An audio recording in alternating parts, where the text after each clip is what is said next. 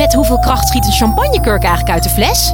Ja, het is feest bij Quest. Al twintig jaar serieus leuk, met nieuwsgierige vragen en antwoorden uit de wetenschap. Zo maken we Nederland elke dag een stukje slimmer. Nu in de winkel en op quest.nl.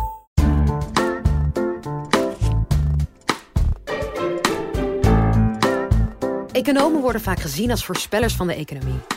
Kijkend in hun glazen bol vertellen ze politici en beleidsmakers welke financiële beslissingen er gemaakt moeten worden, van belastingen tot boetes. En zo hebben economen een grote invloed op ons dagelijks leven. Maar hoe komt het dat de voorspellingen van economen er zo vaak naast zitten? Of dat ze bijvoorbeeld totaal oneens zijn met een mede-econoom?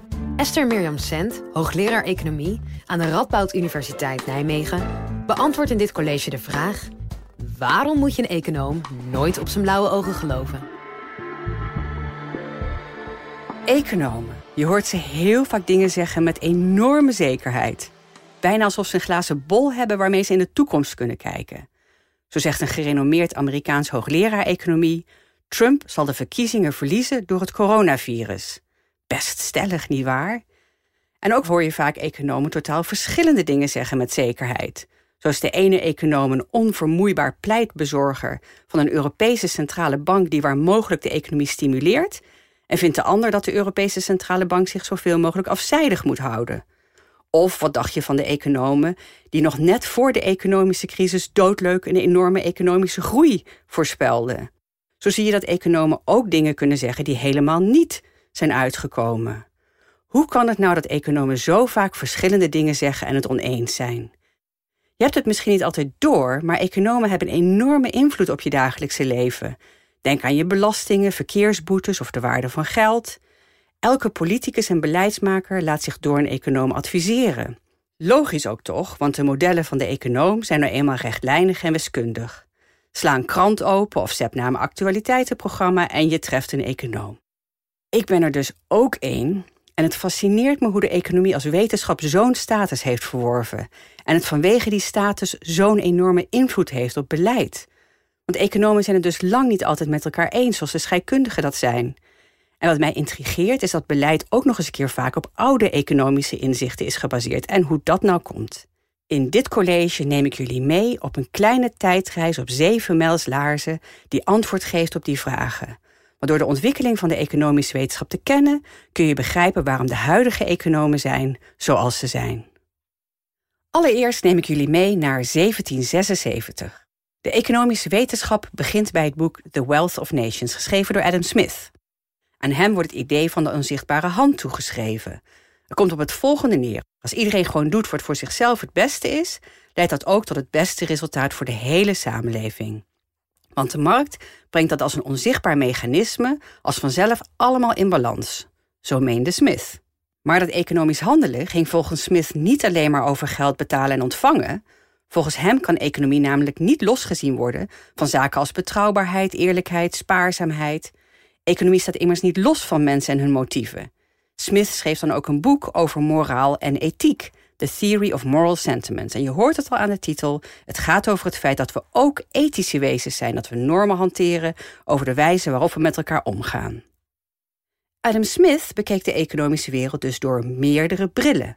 Hij keek naar de wereld om zich heen, maakte daaruit wetenschappelijke wetten op, eigenlijk net zoals de natuurkundige Newton keek naar een vallende appel en zo de wetten van de zwaartekracht ontdekte. En Smith zag, hé, hey, mensen zijn op hun eigen belang gericht, maar ze bekommeren zich ook om anderen en juist die combinatie geeft een rijk perspectief op de economie. En hoewel de economische wetenschap begon als een wetenschap met zowel wiskundige rekenmodellen als verhalen over mensen, zijn economen zich in de loop van de tijd juist gaan inspannen om de hardste van de sociale wetenschappen te worden, waarin rekensommen die de toekomst voorspellen de boventoon hebben, maar nu loop ik vooruit op de geschiedenis.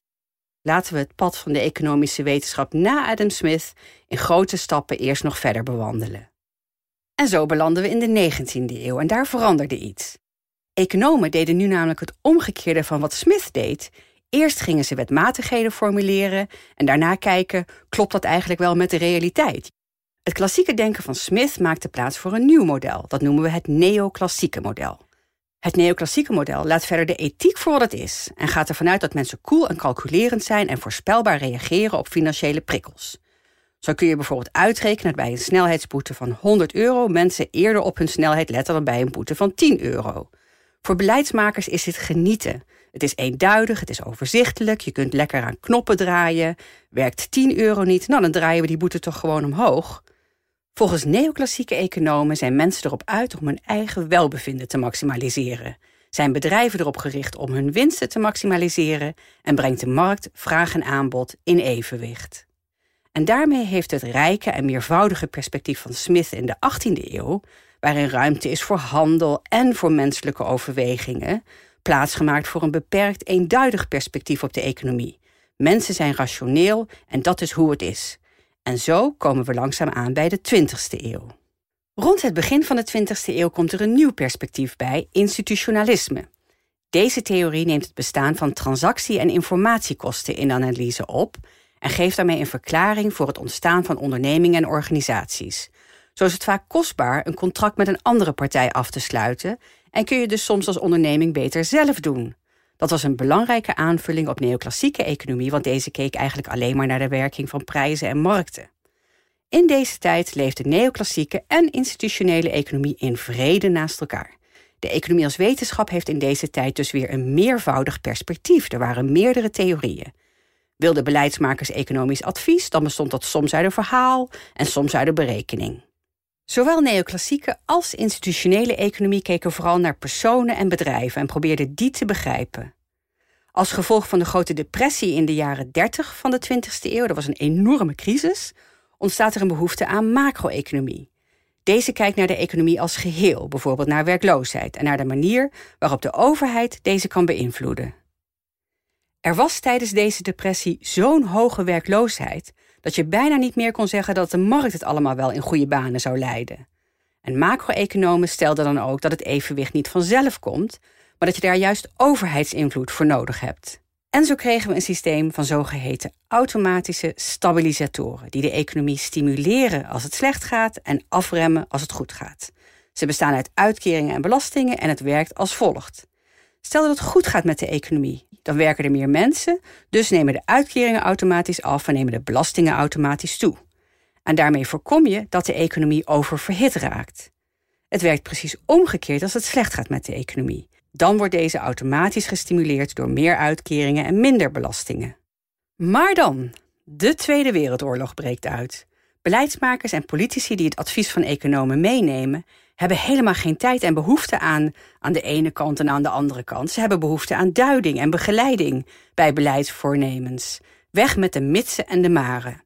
Dus de economische wetenschap gooit zijn vele perspectieven op menselijk gedrag overboord om een rechtlijnig antwoord te formuleren op bijvoorbeeld: moeten we bombarderen of niet? Moeten we kernwapens opvoeren of niet? En president Truman zei in de jaren 40 ook: Please give me a one-handed economist because all my advisors say on the one hand and on the other hand. Hij werd er gek van. De tijd van de meervoudige perspectieven is voorbij en de economen, politici en beleidsmakers voeren één duidelijke koers. Dit is het moment dat de speltheorie als economische stroming opkomt. Speltheorie kijkt naar je keuze in relatie tot de keuzes van anderen, waar Adam Smith zei: als je je eigen belang nastreeft, wordt het algemene belang ook gediend zeggen speltheoretici juist nee, je moet kijken naar wat de keuzes zijn die anderen maken en daarop moet je anticiperen. Dus je denkt na over wat een ander zal doen. Moet ik kernwapens opvoeren? Je maakt die keuze terwijl je nadenkt over wat de andere zal doen. En je beweegt mee. Hebben de Russen een kernraket? Ja, dan willen wij het natuurlijk ook. Ook in de jaren die volgden, in de Koude Oorlog en de Vietnamoorlog, is speltheorie enorm populair. Maar achteraf bleek ook hoe gevaarlijk het is om oorlog te voeren vanuit de werkkamer van een econoom. Thomas Schelling was een beroemde speltheoreticus die adviseerde hoe om te gaan met bombardementen in Vietnam. En hij zei: Nou, weet je wat, we gaan gewoon massaal bombarderen. Dan schrikken die vijandige Russen zich helemaal kapot. Ze druipen af met de staart tussen hun benen en de oorlog loopt af. Hij hield dus wel rekening met de keuzes van de Russen, maar het pakte alleen heel anders uit dan in zijn werkkamer. Want de Russen dachten helemaal niet aan capituleren en een lange oorlog volgde. En dit kon allemaal omdat economen een enorme geloofwaardigheid hadden opgebouwd als de hardste van de sociale wetenschappers. En dan zijn we beland in de jaren 70 van de vorige eeuw en krijgt de status van economen een enorme knauw. Tot die tijd kon je volgens economen kiezen wat je nu belangrijker vindt: of lage prijsstijgingen of lage werkloosheid. Maar toen kregen we ze in één keer allebei. Dat noemen we stagflatie. Voor ons verhaal is het belangrijk dat economen er helemaal niks van snapten en dat er voor beleidsmakers in één keer niks meer te kiezen viel. Het neoclassieke model dat uitging van eigenbelang, rationaliteit en evenwicht klapte. En er kwamen allerlei nieuwe perspectieven op, zoals neuro-economie, evolutionaire economie, gedragseconomie en gelukseconomie.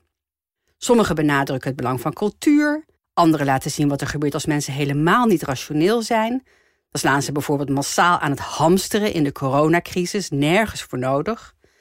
En zo leren we van neuroeconomen dat geld dezelfde hersengebieden activeert als drugs. Oftewel, geld is verslavend. En je wil er steeds meer van zonder dat je er nu eigenlijk gelukkig van wordt. En dan zijn we in 2020 aanbeland. We zitten in een tijd van meervoudige perspectieven binnen de economische wetenschap. Alleen is dat niet tot iedereen doorgedrongen, maar daar kom ik zo over te spreken. De economische wetenschap maakt dus een golfbeweging. Eerst waren er meerdere economische perspectieven, daarna weer één enkele economische stroming die iedereen volgde. Nu hebben we weer verschillende perspectieven op de economie. Kortom, de economische wetenschap verschaft daarmee geen eenduidig antwoord zoals een wiskundige formule dat doet. Economie is dus helemaal niet die harde rechtlijnige wetenschap die het zo graag wilde zijn, ondanks dat het nog vaak wel die status heeft. Het is maar een perspectief op de economische realiteit. Maar wat voor effect heeft deze geschiedenis nou gehad op onze levens? Aan de ene kant zijn er beleidsmakers die handig gebruik maken van deze rijke geschiedenis en creatief gaan winkelen onder de economische inzichten om zo hun activiteiten te onderbouwen. Zo zijn er beleidsmakers die erg gecharmeerd zijn van het neoclassieke perspectief, want deze geven heldere voorspellingen gebaseerd op de veronderstelling dat wij allemaal als koele, calculerende homo economicus handelen. En dat is natuurlijk hartstikke lekker, een voorspelling die geen mitsen en maren heeft. En daar hebben politici ook behoefte aan. Want als een politicus zegt, nou ja, ik weet het eigenlijk niet precies wat er gaat gebeuren, ja, die maakt zichzelf niet zo populair. Nee, politici en beleidsmakers willen graag heldere taal, maar die theorie staat soms dan wel weer heel erg ver van de werkelijkheid af. Een voorbeeld waar je ziet dat werkelijkheid en theorie weinig meer met elkaar te maken hebben, is de zorgverzekeringswet. Waarbij men ervan uitgaat dat mensen het fijn vinden om een zorgverzekeraar uit te kiezen. Want daar kun je dan financieel voordeel uithalen. Nou, ik weet niet hoe het met jou zit, maar ik moet zelf heel eerlijk bekennen dat ik al 15 jaar bij dezelfde zorgverzekeraar zit. En ik heb helemaal geen zin om me erin te verdiepen. Dus dat mensbeeld, dat de mens koel en calculerend is, heeft grote invloed gehad op de vormgeving van ons beleid. Er is dus helemaal niet één antwoord op economische vragen, want dat is afhankelijk van het perspectief dat je kiest. En dat betekent als je een econoom bij Jinex zit of in de krant ziet staan, diegene dus ook een bepaald mensbeeld heeft, bepaalde uitgangspunten hanteert en die zijn bij iedere econoom weer anders. Je kan je afvragen, hebben al die perspectieven nut? Hebben economen nut?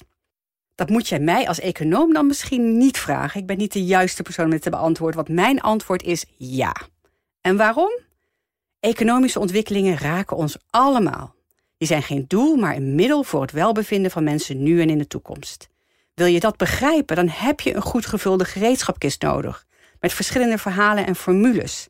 En dat is nu juist wat de economische wetenschap in haar meervoudige perspectief biedt. Wees je er daarbij wel van bewust dat dit betekent dat er niet altijd een eenduidig en eenvoudig antwoord te formuleren is.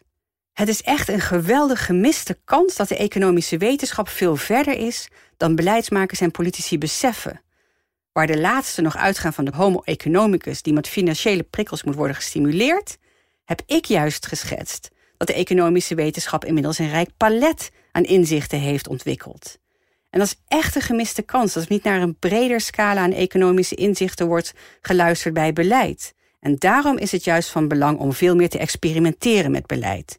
Nobelprijswinnaars Esther Duflo en Abhijit Banerjee keken bijvoorbeeld hoe je het onderwijs in Afrika kon verbeteren. Er was al van alles geprobeerd: geldinjecties, boeken ter beschikking stellen. En wat bleek de oplossing? Maandverband.